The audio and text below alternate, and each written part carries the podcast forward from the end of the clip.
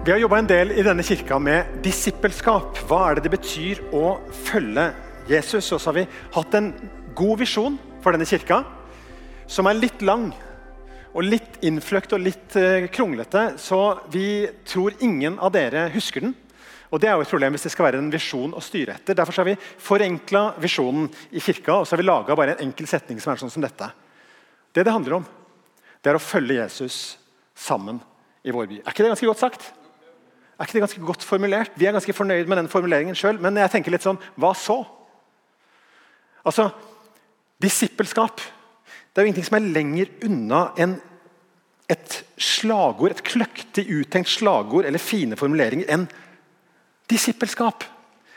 Og Det er jo nesten ironisk at jeg står her og holder en tale om disippelskap. Det handler jo om levd liv. Det handler jo om alle disse dagene som kom og gikk. Og ikke visste jeg at det var selve disippelskapet. Men sånn er det. Så hva er et disippelliv, da? Og hvordan skiller det seg fra andre folks liv? Er det noe forskjell? Dette har vi lyst til å bore i som kirke i de nærmeste ukene. Og vi bestemte oss rett og slett for å lage to taleserier. Tre taler i hver, seks taler totalt om bergprekenen. Dette er Jesu mest konsentrerte disippelundervisning, og vi skal rett og slett fokusere på den i noen søndager framover nå. Bergprekenen starter i Matteus 5 og slutter i kapittel 7. Tre kapitler, 107 vers. Det fins en kortere eh, og, og litt, mer, eh, litt, annerledes versjon i Lukas. Den er bare på 30 vers. og Av og til blir den kalt sletteprekenen.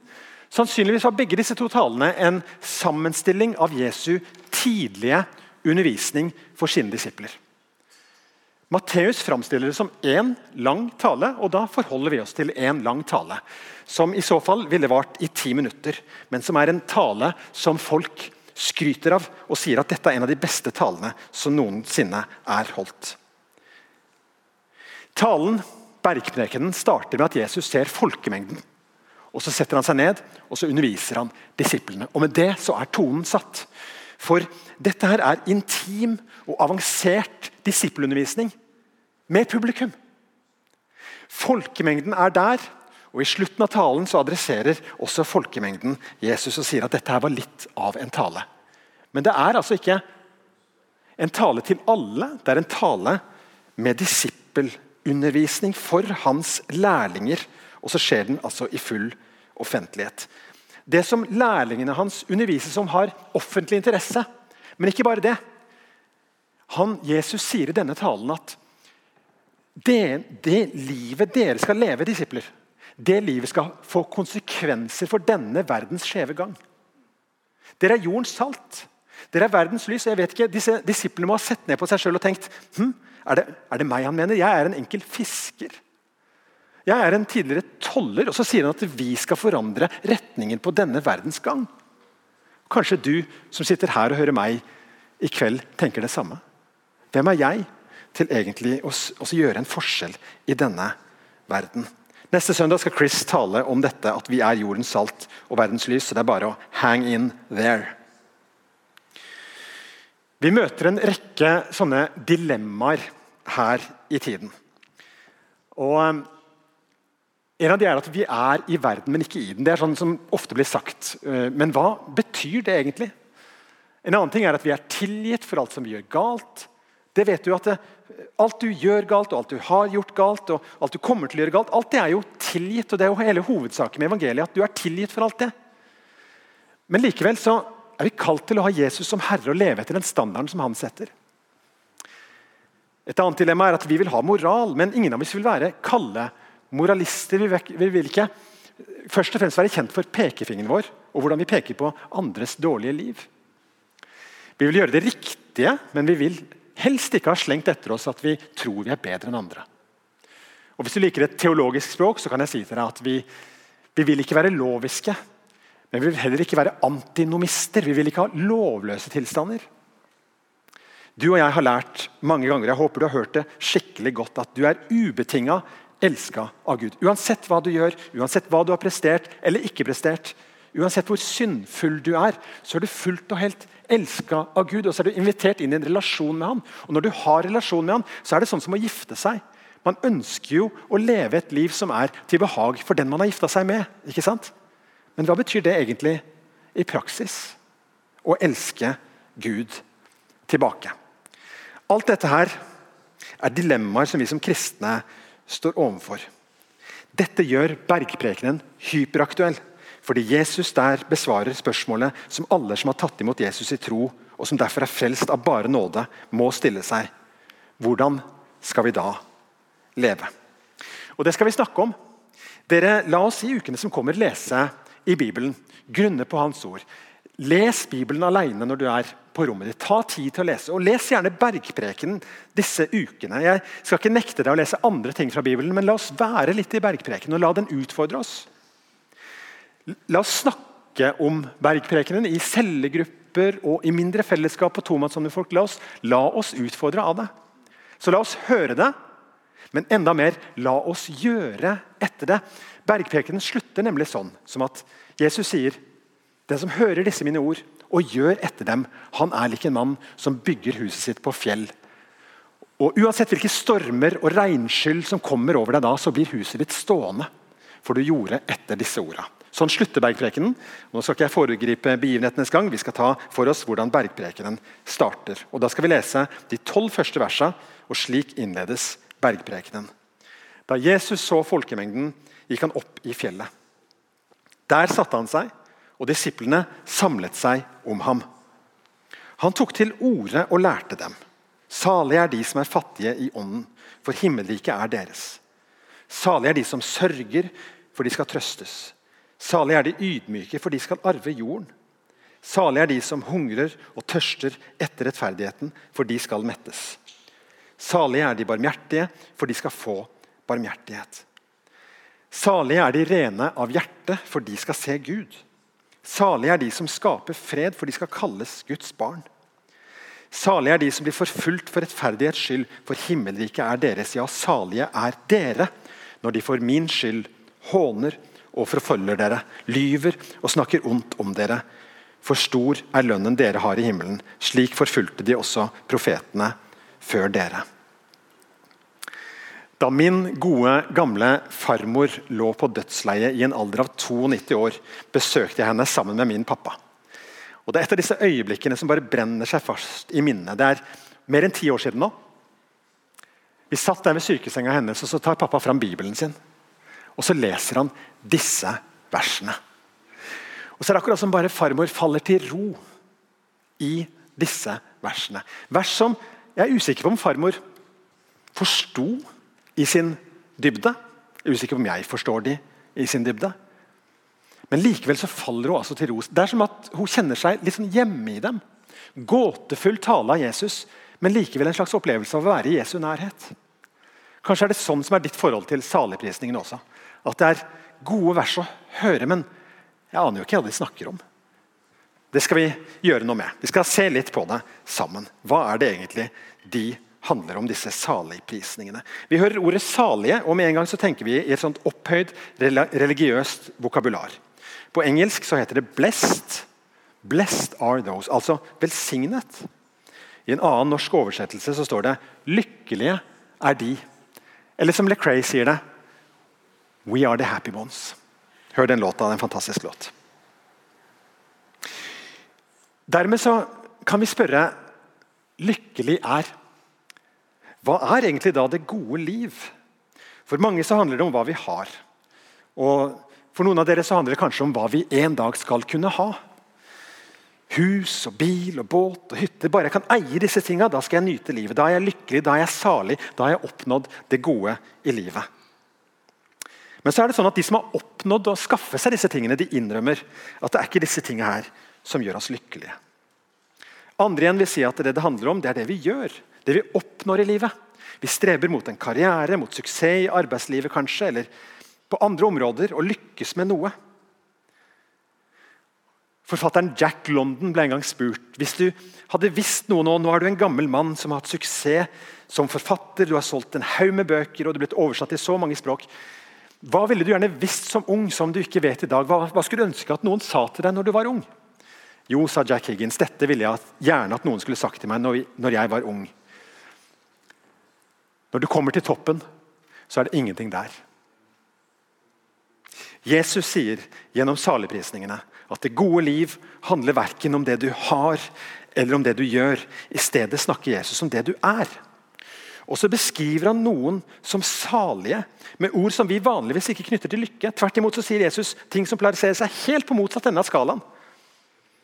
Ting vi aller helst prøver å unngå. Han snakker om fattigdom, sorg, hunger og tørst. Jesus sier at de som er sånn, de er salige. Og Ved en sånn slags overflatisk lesning så ser det veldig rart ut. Det er som om Jesus sier 'lykkelig er de ulykkelige'. Gåtefull tale av Jesus, om ikke annet. Eller er det noe dypere som skal fram her? For Jesus kan vel ikke mene at det er et ideal i seg sjøl å være fattig eller å være sulten? Nei, det tenker ikke jeg at han mener. Vi har ni saligprisninger, og vi har akkurat hørt dem. John Stott, en kjent engelsk bibellærer, han sier at dette er ikke ni ulike kategorier mennesker, der noen er fattige i ånden, noen er ydmyke, noen er barmhjertige. Nei, dette er, dette er et sammensatt bilde av karaktertrekk hos en kristen. Dette er en kristen slik han er, eller slik han burde være, eller slik han burde streve mot å bli. Det er en slags visjon for kristenheten. Litt sånn som åndens frukter, som vi kan lese om i Galaterne 5.22. Det er ni av de òg. Og Disse ni er jo beskrivelsen av hva en kristen er. Uten at, en, uten at, det er ting som du får beskjed om at dette må du gjøre for å være en kristen. Nei, det er åndens frukt. Det er frukt av at du har Den hellige ånd. Det kommer ikke fordi at du strever etter det, men det kommer bare som en, som en naturlig ting ved å, ved å være påkobla Han. Galaterne 5.22 sier at åndens frukt er kjærlighet, glede, fred osv. Noen har sagt at dypest sett så er dette en beskrivelse av Jesus. Og Det er han vi er kalt til å ligne. Så det sier John Stott. Og jeg tenker dette er veldig godt sagt. Dette er hva saligprisningene er. Og Det rimer jo også med det vi leser etter hver av disse saligprisningene. Hvis vi ser på hva de som priser salige får, så er det jo alt sammen beskrivelser om hva det er å være frelst. Himmelriket er deres. De skal trøstes, de skal arve jorden, de skal mettes, de skal få barmhjertighet, de skal se Gud. Ja, de skal kalles Guds barn, og stor er lønnen dere har i himmelen. Bergprekenen er en av de mest bejublede talene, men også en av de mest bortforklarte talene som fins. For dette er sterke ord. Jesus setter idealet utrolig høyt i denne teksten. Og jo mer vi kommer utover i bergprekenen, så skal vi se det at han skrur det virkelig til. Setter idealet knallhøyt. Er det noen her som har vært på Tusenfryd noen gang? Jeg er så heldig at jeg bodde et steinkast fra Tusenfryd. Jeg bodde på Vinterbro. Og, og, det var så nær at det, eh, det var store deler av livet vårt at dette var vår barnevakt. Ungene hadde årskort på Tusenfryd, og det var bare å kose seg der. og så kunne jeg gjøre andre ting. Men den aller første gangen jeg var på Tusenfryd, var lenge tidligere. Det var når jeg var en ganske ung mann. Ganske ung og ganske utrent, og også ganske dum. Eh, Tusenfryd hadde en gang Norges lengste rulletrapp. Den tror jeg er forbigått nå, men det er en ekstremt lang rulletrapp som er der det første du kommer til når du kommer til Tusenfryd. ikke sant? Noen tror det er den første attraksjonen. Det er det ikke. Jeg husker Første gang jeg var på Tusenfryd og så den rulletrappa, så tenkte jeg med en gang sånn Oi! Challenge. Den skal jeg ta. Så sa jeg til kameraten min Førstemann opp. Og da mente jeg selvfølgelig den rulletrappa som går nedover. og ikke den som går oppover. Så jeg heiv meg på. Kameraten min var med, og han var litt bedre trent enn meg. Jeg angra etter fem meter. Det ble en veldig lang tur opp til toppen av den rulletrappa. Jeg hadde blodsmak i munnen. Jeg var kvalm og jeg var sliten. og Jeg, jeg angra sånn på det. Det ville vært utrolig ydmykende å bare si nei, jeg må, jeg må faktisk ned rulletrappa. Så må jeg ta den der maskinelle rulletrappa opp. Jeg kunne ikke det. Så jeg måtte bare holde ut og komme meg til toppen av denne rulletrappa. Og Da var jeg altså så sliten at jeg satte meg ned på en benk og måtte ta meg inn igjen en halvtime-time før jeg kunne ta noen av attraksjonene jeg hadde betalt for å ta den dagen. Sånn er vi mennesker. Vi er noen av oss litt spontane, men vi har det med i hvert fall når det kommer i min alder, så har vi med å bestemme oss for at nå skal jeg løpe maraton. Eller nå skal jeg ta Birken, sykle Trondheim-Oslo eller gå Syvfjellsturen eller annen galskap. Vi liker å sette oss mål, gjør vi ikke det? Og Hvordan er det vi når de målene best? Er det ved å gjøre sånn som jeg gjorde, utrent og gal og vill og bare spontant dundre på? Det er ikke sånn vi når de ambisiøse målene. folkens. Vi når de ved å planlegge og ta små steg i riktig retning. Og Litt sånn leser jeg Bergprekenen. Den er som en visjon. Det er som en drøm. Det er som et mål som ligger der framme. Det er ikke tvil om at Jesus legger lista høyt i denne talen. Nikki Gumbel har sagt ingen har noen gang gitt verden noen større utfordring enn den Jesus kom med da han gav oss bergpreken. Og så kan du tenke sånn, Hvorfor gjorde Jesus det? Jeg tenker han måtte jo det. For gitt at Gud fins, gitt at det fins en Gud, og, gitt at han sender sin sønn til jord, og hans sønn setter seg for å undervise noen mennesker om hva god etikk er hvor lista bør ligge for det gode liv, hvor lista bør ligge for det å være et godt menneske, da må jo Jesus legge lista høyt. Han kan jo ikke si ja, det er ok at dere synder litt. Du kan gjerne slå folk, bare ikke knuse noen bein. liksom. Det er helt ok å være litt utro. Nei, Han kunne jo ikke si det. Han måtte si noe som ligner på det som står i bergprekenen. Fariseernes problem og det skal vi komme til litt senere i undervisningen om bergprekenen, fariseernes problem var at de gjorde Guds lov oppnåelig. I hvert fall for dem. Det var ingen andre som hadde sjans, men de hadde sjans til å nå akkurat opp til det. Og så satt de der setter vi standarden. Ja, ja, Da tok Jesus den standarden og så bare skrudde han varmen opp 15 hakk og sa han, der er standarden. Med saligprisningene så setter Jesus tonen for hele bergprekenen. Og så sier han at Det jeg skal beskrive nå, i denne talen, det er en beskrivelse av et folk. Det er en visjon om et folk. Jeg kaller de salige. De er borgere i et opp-ned-rike som jeg har kommet for å etablere. I slutten av kapittelet før, i kapittel 4 Matteusevangeliet, kapittel 4, vers 17, så står det Fra da begynte Jesus å forkynne 'venn om', for himmelriket er kommet nær. Himmelriket er kommet nær. Derfor så utfordrer jeg deg på personlig omvendelse. Jeg utfordrer deg til å ta personlig stilling til hvem jeg er. Vend om, for himmelriket er kommet nær. Og Så begynte folk å flokke seg rundt denne Jesus, for det budskapet han kom med, og det livet han levde, det var attraktivt.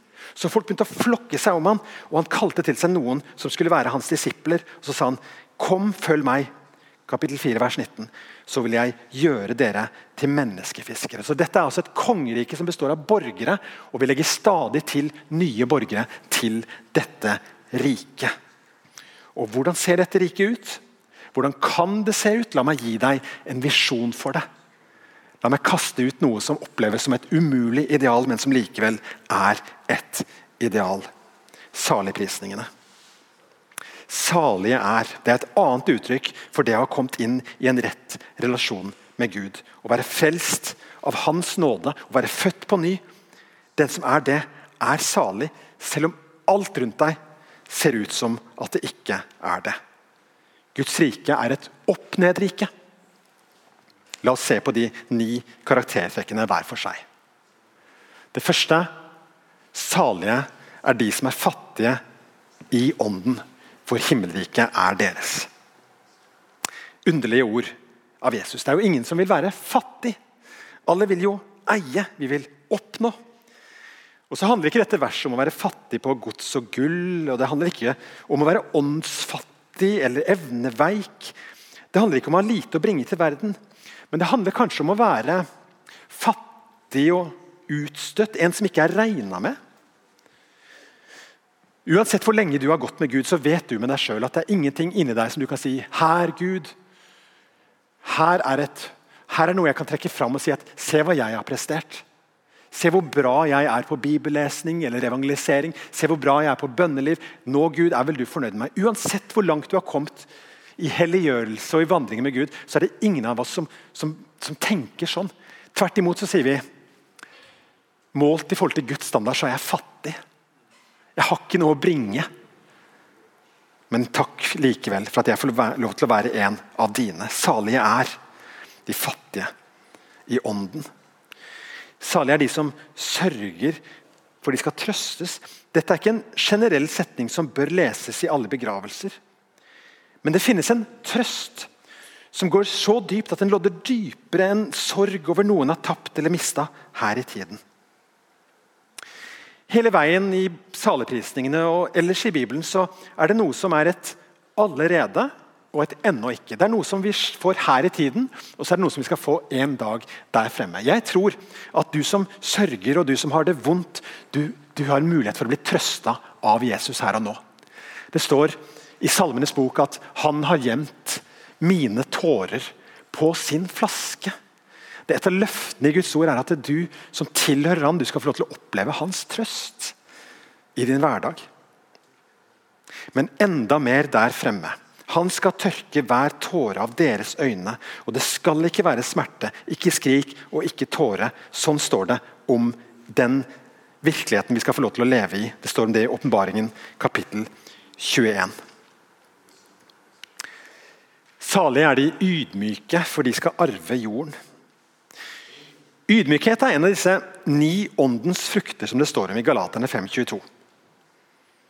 Og I 1. Peters brev 5.5 så står det Gud står den stolte imot, men den ydmyke gir han nåde. Det handler om et hjerte som gir opp sitt eget prosjekt av å skulle være den som finner veien til himmelen ved å ta seg sammen eller ved å skjerpe seg. Nei, vet du hva? Jeg har ingenting å være stolt av i eget liv på den måten. Ydmykt så vender jeg meg til Gud og sier Gud, jeg trenger din frelse. Det står om Moses at han var den mest ydmyke mannen som har levd. Noen sier at han skrev det sjøl. Men det står da det, at han var den mest ydmyke mannen som har levd. Og, og Moses var jo ikke noen sånn tapt bak en vogn. på noen måte. Han var jo en, en tøffing, han var en modig maur. Både i møte med farao og i møte med folket. Så var han rett og slett uredd. Så det å være ydmyk betyr jo ikke å være spak. Nei, Moses var ydmyk fordi han, han, visste hvem han var i møte med Gud. Han hadde møtt Gud ansikt til ansikt. står det. Og, og, og, Når du vet hvem Gud er, så vet du litt også om hvem du er. Og da blir du ydmyk. Det står om Jesus at han var ydmyk. Ta mitt åk på dere og lær av meg, for jeg er mild og ydmyk av hjerte. Sann ydmykhet det kan du ikke skryte på deg. Men andre kan si det om deg. Andre kan se det på deg og si 'han der' eller 'hun der'. Hun vet hvem hun er, og hun har sin identitet i Gud. Har en ydmykhet. Salig er de som hungrer og tørster etter rettferdighet, for de skal mettes. Og jeg tenker Akkurat som fattig i ånden og de som sørger skal forstås åndelig, så må også dette forstås åndelig. Selv om noen gjerne skulle sett at Jesus var en sånn en som som ordna med brød til alle. Når han gjorde brødundere, så var folk helt fra seg og ville gjøre han til konge. For at, tenk å ha en sånn konge som kan ordne med matproduksjon. De ville ha en krigers, krigerhersker, en krig, krigerherre. Et sånt bilde hadde de av Messias, eller en konge som kunne ordne brød. Men Jesus snakker om et annet type brød. Han sier 'Jeg er livets brød'. Den som kommer til meg, skal ikke hungre. Og han sier om noen tørster, han kommer til meg og drikke. Den som drikker av dette vannet, skal bli tørst igjen. Men den som drikker det vannet jeg vil gi ham, det blir i ham en kilde med vann som veller fram til evig liv. Salige er de som hungrer og tørster etter rettferdigheten. Rettferdighet er et stort ord i Matteusevangeliet generelt, men også i bergpreken. og vi kommer tilbake til det. Søk først Guds rike og hans rettferdighet, så skal dere få alt det andre i tillegg. eller hvis ikke deres rettferdighet overgår fariseernes og de skriftlærdes, så kommer dere ikke inn i himmelriket. Rettferdighet er et stort ord. Og For meg så handler det om at eh, Gud er rettferdig, Gud er god. Og lengselen etter rettferdighet er noe Gud har lagt ned i deg. Derfor så er det allerede fra barnehagen av så begynner vi å si det er urettferdig. Du, kjenner det i hele deg hvis du blir forbigått. og Noen av dere er kanskje forbigått i jobbsammenheng. eller på, ikke, Du har ikke fått den studiemuligheten som andre har fått, for, kanskje fordi du er kristen. Du, har, du, kjenner at 'jeg blir forbigått'. Og hvorfor det? Dette er dårlig. Dette er ikke rettferdig. Det er noe i det som protesterer. Og Én ting er når vi blir, opplever oss forbigått, men, men hva med den rettferdigheten der ute, da? Hva med det at ting i denne verden er så urettferdig fordelt? Det protesterer jo i oss. Det skal gjøre det. Det skal gjøre litt vondt. At det er noen som er fattige, og noen som er rike. At det er noen som har alt og mer enn de trenger, og noen som sulter i dag. At det er noen som er offer for trafficking. Noen av dere er engasjert i den saken, og jeg heier på det. For det er urettferdig at noen fortsatt er slaver. Salig er den som hungrer og tørster etter rettferdigheten. En som, en som har blitt kjent med Gud, han har fått denne hungeren i seg bare enda sterkere enn før. Og Jeg håper du har den. Løftet her er at de skal mettes, og måtte vi mettes snart. Salig er de barmhjertige, for de skal få barmhjertighet. Nå er det ikke sånn at Jesus her beskriver en frelsesvei. Altså sånn at De som er gode og snille, kommer til himmelen. Det er jo det folk flest kanskje tenker at det er det det handler om. Men det vil jo i så fall gå rett imot det som Paulus sier i Efeserbrevet 2,8 og utover, hvor han sier av nåde er dere frelst. Det er ikke deres eget verk, det er en Guds gave. Og Hele, hele Nye testamentet handler jo om at frelsen er en gave som handler om at Jesus har gjort alt for deg. Jesus har betalt prisen for deg. Han har dødd for deg på korset. Han har betalt for syndene dine. Han har gitt deg en vei til Gud som handler om hans liv og hans død. Så Det er ikke sånn at Jesus her lager en frelsesvei og sier at de som er barmhjertige, de skal få barmhjertighet til slutt. Men det er sånn som jeg sa i sted, det er et karaktertrekk ved en kristen. En kristen er barmhjertig. Hvis vi går tilbake til åndens frukter,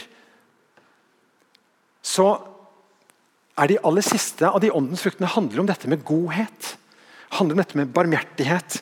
Handler om dette å, å ha overskudd til de andre. Åndens frukt er overbærenhet vennlighet, godhet. Så du får ikke barmhjertighet av Gud til slutt fordi du har vært barmhjertig mot andre, men du er barmhjertig mot andre fordi du har fått en barmhjertighet hos Gud. Og den lønn du en dag skal få, er barmhjertighet ved hans trone. Og Den dagen så kommer ikke du til å peke på alle dine gode gjerninger og si at se her Gud, har ikke jeg fortjent dette? Nei, Du vil peke på Jesus og så vil du si dette har ikke jeg fortjent, men han har fortjent det for meg. Salig er de rene av hjerte, for de skal se Gud. Igjen. Dette er nesten vondt å lese. for Hvem av oss kjenner at vi er rene av hjerte? og Er vi da ekskludert fra å kunne se Gud? På den ytterste dag? Nei. Alle som blir frelst, og alle som er frelst, skal få se Gud. Vi skal se ham, og vi skal bli han lik, for vi skal se ham som, som han er, står det i 1. Johannes brev. Hvem av oss kan si at 'jeg er ren av hjerte'? Er det ikke sånn at hjertet mitt og hjertet ditt er forurensa? Det er full av mørke tendenser. Det er full av synd. Det er full av ting som jeg må bekjenne og si at Jesus, jeg, jeg skulle ønske ikke det var sånn. Dette er meg. Det er sant, jeg innrømmer det. Kan jeg få tilgivelse, så får du tilgivelse, og så blir du rensa ren. Og Like fullt så står det der som en visjon. Salige er de rene av hjertet. Det er en beskrivelse av hvem en kristen er. En kristen kan ikke være med på korrupsjon. En kristen kan ikke være med på å karre til seg eller, eller tenke at ja, det gjør ikke noe jeg tråkker andre ned, bare jeg sjøl kan tjene på det. En kristen vil ha rene motiver. Han vil tenke at det, det handler ikke om meg, det handler ikke om at jeg skal få ære, at jeg skal få fokus. Han tenker jeg vil gjøre det gode og rette uansett om folk ser det eller ikke. Integritet. Saligprisning nummer sju. Salige er de som skaper fred, for de skal kalles Guds barn. Ja, er det sånn at fredsmeglere, fredsmeglere her på jorda har en egen inngangsport til Guds rike? Er det sånn at de som stifter fred, de går rett hjem? Altså, de blir frelst? Sånn, det er ikke det det betyr. Men Gud er den store fredsmegleren. Han, han, det står i Rombrevet 5 at han har, skapt, han har gitt oss fred. Ved Jesu blod på korset så har vi fått fred. Vi har fred med Gud. Så står det i Efeserbrevet kapittel 2 at gjerdet som skilte mellom hedningene og jødene, er tatt ned. Han har revet ned det gjerdet. Fiendskapet har han fjerna da han skapte fred ved sitt blod på korset. Gud er den store fredsskaperen, og han inviterer oss inn i en relasjon med seg. og Så sier han 'vær med og skap fred på denne jorden'. Vi skulle være engasjert folkens, i fredsarbeid. I stor og liten skala Får du sjansen noen gang til å være med å skape forsoning mellom mennesker, så skal du gripe sjansen. Mennesker som er i konflikt med hverandre. Om mulig så ønsker vi at de skal kunne tilgi hverandre og starte på nytt og bli forsont. Til slutt, åtte og ni. Salige er de som blir forfulgt for rettferdighets skyld. Det er mange mennesker som blir forfulgt på denne jorda av ulike årsaker. Åpne dører sier at det er 245 millioner mennesker som blir forfulgt for sin kristne tro på jorda i dag. 245 millioner mennesker. Og Jeg tror ikke vi her i Norge må regne med at vi kan komme unna det, vi heller. Det å bli forfulgt for sin tro. På ulike måter. For noen år tilbake så sto det en uh, artikkel om at uh, det, det, lønner seg ikke å skrive at du er kristen på CV-en. Altså, det er kanskje ikke naturlig å skrive at du er kristen på CV-en, men, men, det lønner seg heller å ta ut og lage hull enn å innrømme at du har gått på bibelskole i forbindelse med søknader på enkelte jobber. Sånn har det blitt. Det fortelles en historie om Tertulian, en av kirkefedrene. at det var En som sa til han at han begynte å klage over forretningslivet. Han sa at det er så vanskelig å, å, og, og drive forretning nå som jeg er blitt kristen. og det, det er liksom jeg opplever at det er motstand av folk som velger meg bort fordi at jeg er kristen. Og jeg må jo leve, sa han til Tertulian. Så svarte Tertulian, ja, må du det? Martyrtiden? Martyriet, er vi klar for det? Jesus sier, ja, salige er dere når de, for min skyld, fyller kommentarfeltene med spott og hån og overdrivelser bare fordi at eh, dere er kristne. Ja, salige er dere når de for min skyld håner og forfølger dere, lyver og snakker ondt om dere på alle vis. Gled og fryd dere. For, slik, for stor er lønnen dere har i himmelen. Slik forfulgte de også profetene før dere. Her avslører Jesus den niende gang han sier 'salige er' så avslører han at det er dere jeg har snakka om hele tiden. Jeg begynte med å si 'salige er de', som om det var mange ulike kategorier her ute. Men her sier jeg 'ja, salige er dere'. Det er dere jeg har snakka om hele tiden. Jeg har forsøkt å tegne et portrett av det jeg drømmer om å se. At denne gjengen med fiskere og tollere og enkle menn og kvinner, når de blir kirka, så har jeg en drøm om at det skal være et så annerledes folk at folk begynner å tenke det der vil jeg være med på. Den der visjonen der for livet, den vil jeg være med på. Salige er dere. Og selv om ytre sett så er det forferdelig å bli forfulgt, å bli løyet om, snakka ondt om osv. Men hør, ikke bry deg om det. Gled deg og fryd deg, for stor er lønnen dere har i himmelen. Slik forfulgte de også profetene før dere. Oppsummert så er altså ikke saleprisningene ni punkter på veien til lykke. I så fall ville 'lykkelig er de ulykkelige' vært en av setningene som måtte blitt sagt. og Det er en meningsløs setning, er det ikke det?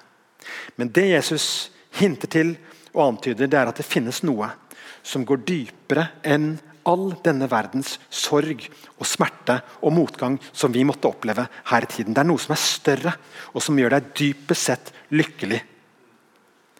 Selv om det en dag kan oppleves tungt og tøft, og en annen dag oppleves som fullt halleluja. Du vet at om du enn vandrer i dødsskyggens dal, så frykter du ikke for noe ondt, for Han er med meg. Dere, er vi klare til å betale en pris for å følge Jesus? Enten det handler da om ytre forfølgelse i stor eller liten skala, eller det handler om det at vi tenker annerledes enn de som tenker at dette livet handler om det jeg er, det jeg oppnår, unnskyld, det jeg gjør, og det jeg oppnår, eller det jeg eier, det jeg kan få karre til meg. Nei, kan du være med på en visjon av at salig er den som er? og som løfter blikket, og som har en annen standard for sitt liv. En standard som ikke er en måloppnåelse du skal forsøke å nå for å blidgjøre Gud. Nei, en standard som du får. En invitasjon som du gis i samme øyeblikk som du får høre at det, av nåde er du frelst. Jeg har betalt prisen for at du skal kunne komme til himmelen. Hilsen Jesus. Vil du være med på denne gjengen som går ut der og gjør en forskjell? Som går ut der og gjør denne verden til et bedre sted for de fattige og for de forfulgte og for de urettferdig behandla. Vil du være med på en sånn visjon? Det kan koste deg noe. Det er derfor han sier 'følg meg'. Det koster han mye. Og han inviterer deg inn i relasjonen med seg og inn til å være arving av dette store riket. Stor er den lønn dere har i himmelen. Himmelriket er deres. Dere skal kalles Guds barn. Dere skal få se Gud. Dere skal få barmhjertighet. Dere skal mettes. Dere skal arve jorden. Dere skal trøstes. Det skal bli en ny himmel og en ny jord hvor rettferdighet bor. Og du og jeg er omtalt som arvinger til det riket. Det er ikke småting.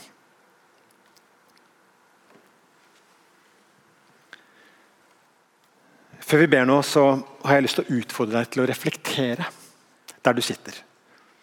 For jeg tror ikke at du, Selv om du nå har hørt en sånn stor visjon, og du skal føre flere sånne store visjoner i løpet av undervisningen ut fra bergprekenen, jeg tror ikke at du kommer til å klare å forandre fem ting i ditt liv denne høsten. Jeg tror ikke det er mulig.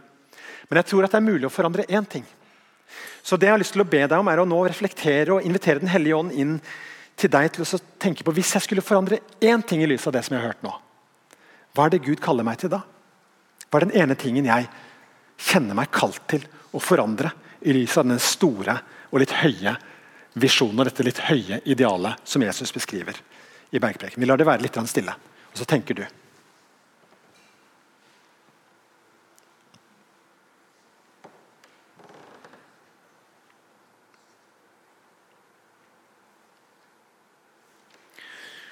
Og Når du har funnet den ene tingen som du tenker at dette har jeg lyst til å forandre, så vil jeg du skal tenke på hva er neste steg for at det skal kunne skje?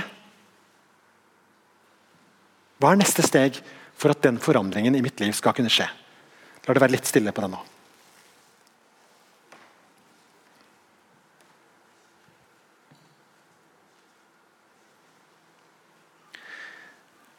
La oss be sammen. Herre Jesus, vi takker deg og priser deg for at du kom til jord. Og takk for din invitasjon til å følge deg. Vi ber om at du må lære oss hva det vil si i praksis. Og så ber vi om at når du har undervist oss om hva det er du kaller oss til, hvilken endring du kaller oss til å gjøre i, i livet, hvilken, hvilken, retning du ønsker at livet vårt skal ta, så ber vi om at du må gi oss villige hjerter, sånn at vi gjør det som du sier når du taler til oss. Takk for at du tilgir oss tusen millioner ganger hver gang vi feiler og ikke får det til. Takk at det alltid er ny nåde og blanke ark som vi kan starte på nytt hver eneste dag. Takk for at, vår, at nåden er ny hver morgen. Men du vil ikke at vi skal gjøre feil om igjen, at vi skal bli liggende i den måten å tenke på. Du ønsker at vi skal få reise oss og så være annerledes fra nå av. Å være et annerledes folk som skaper en forskjell i vår verden. Amen.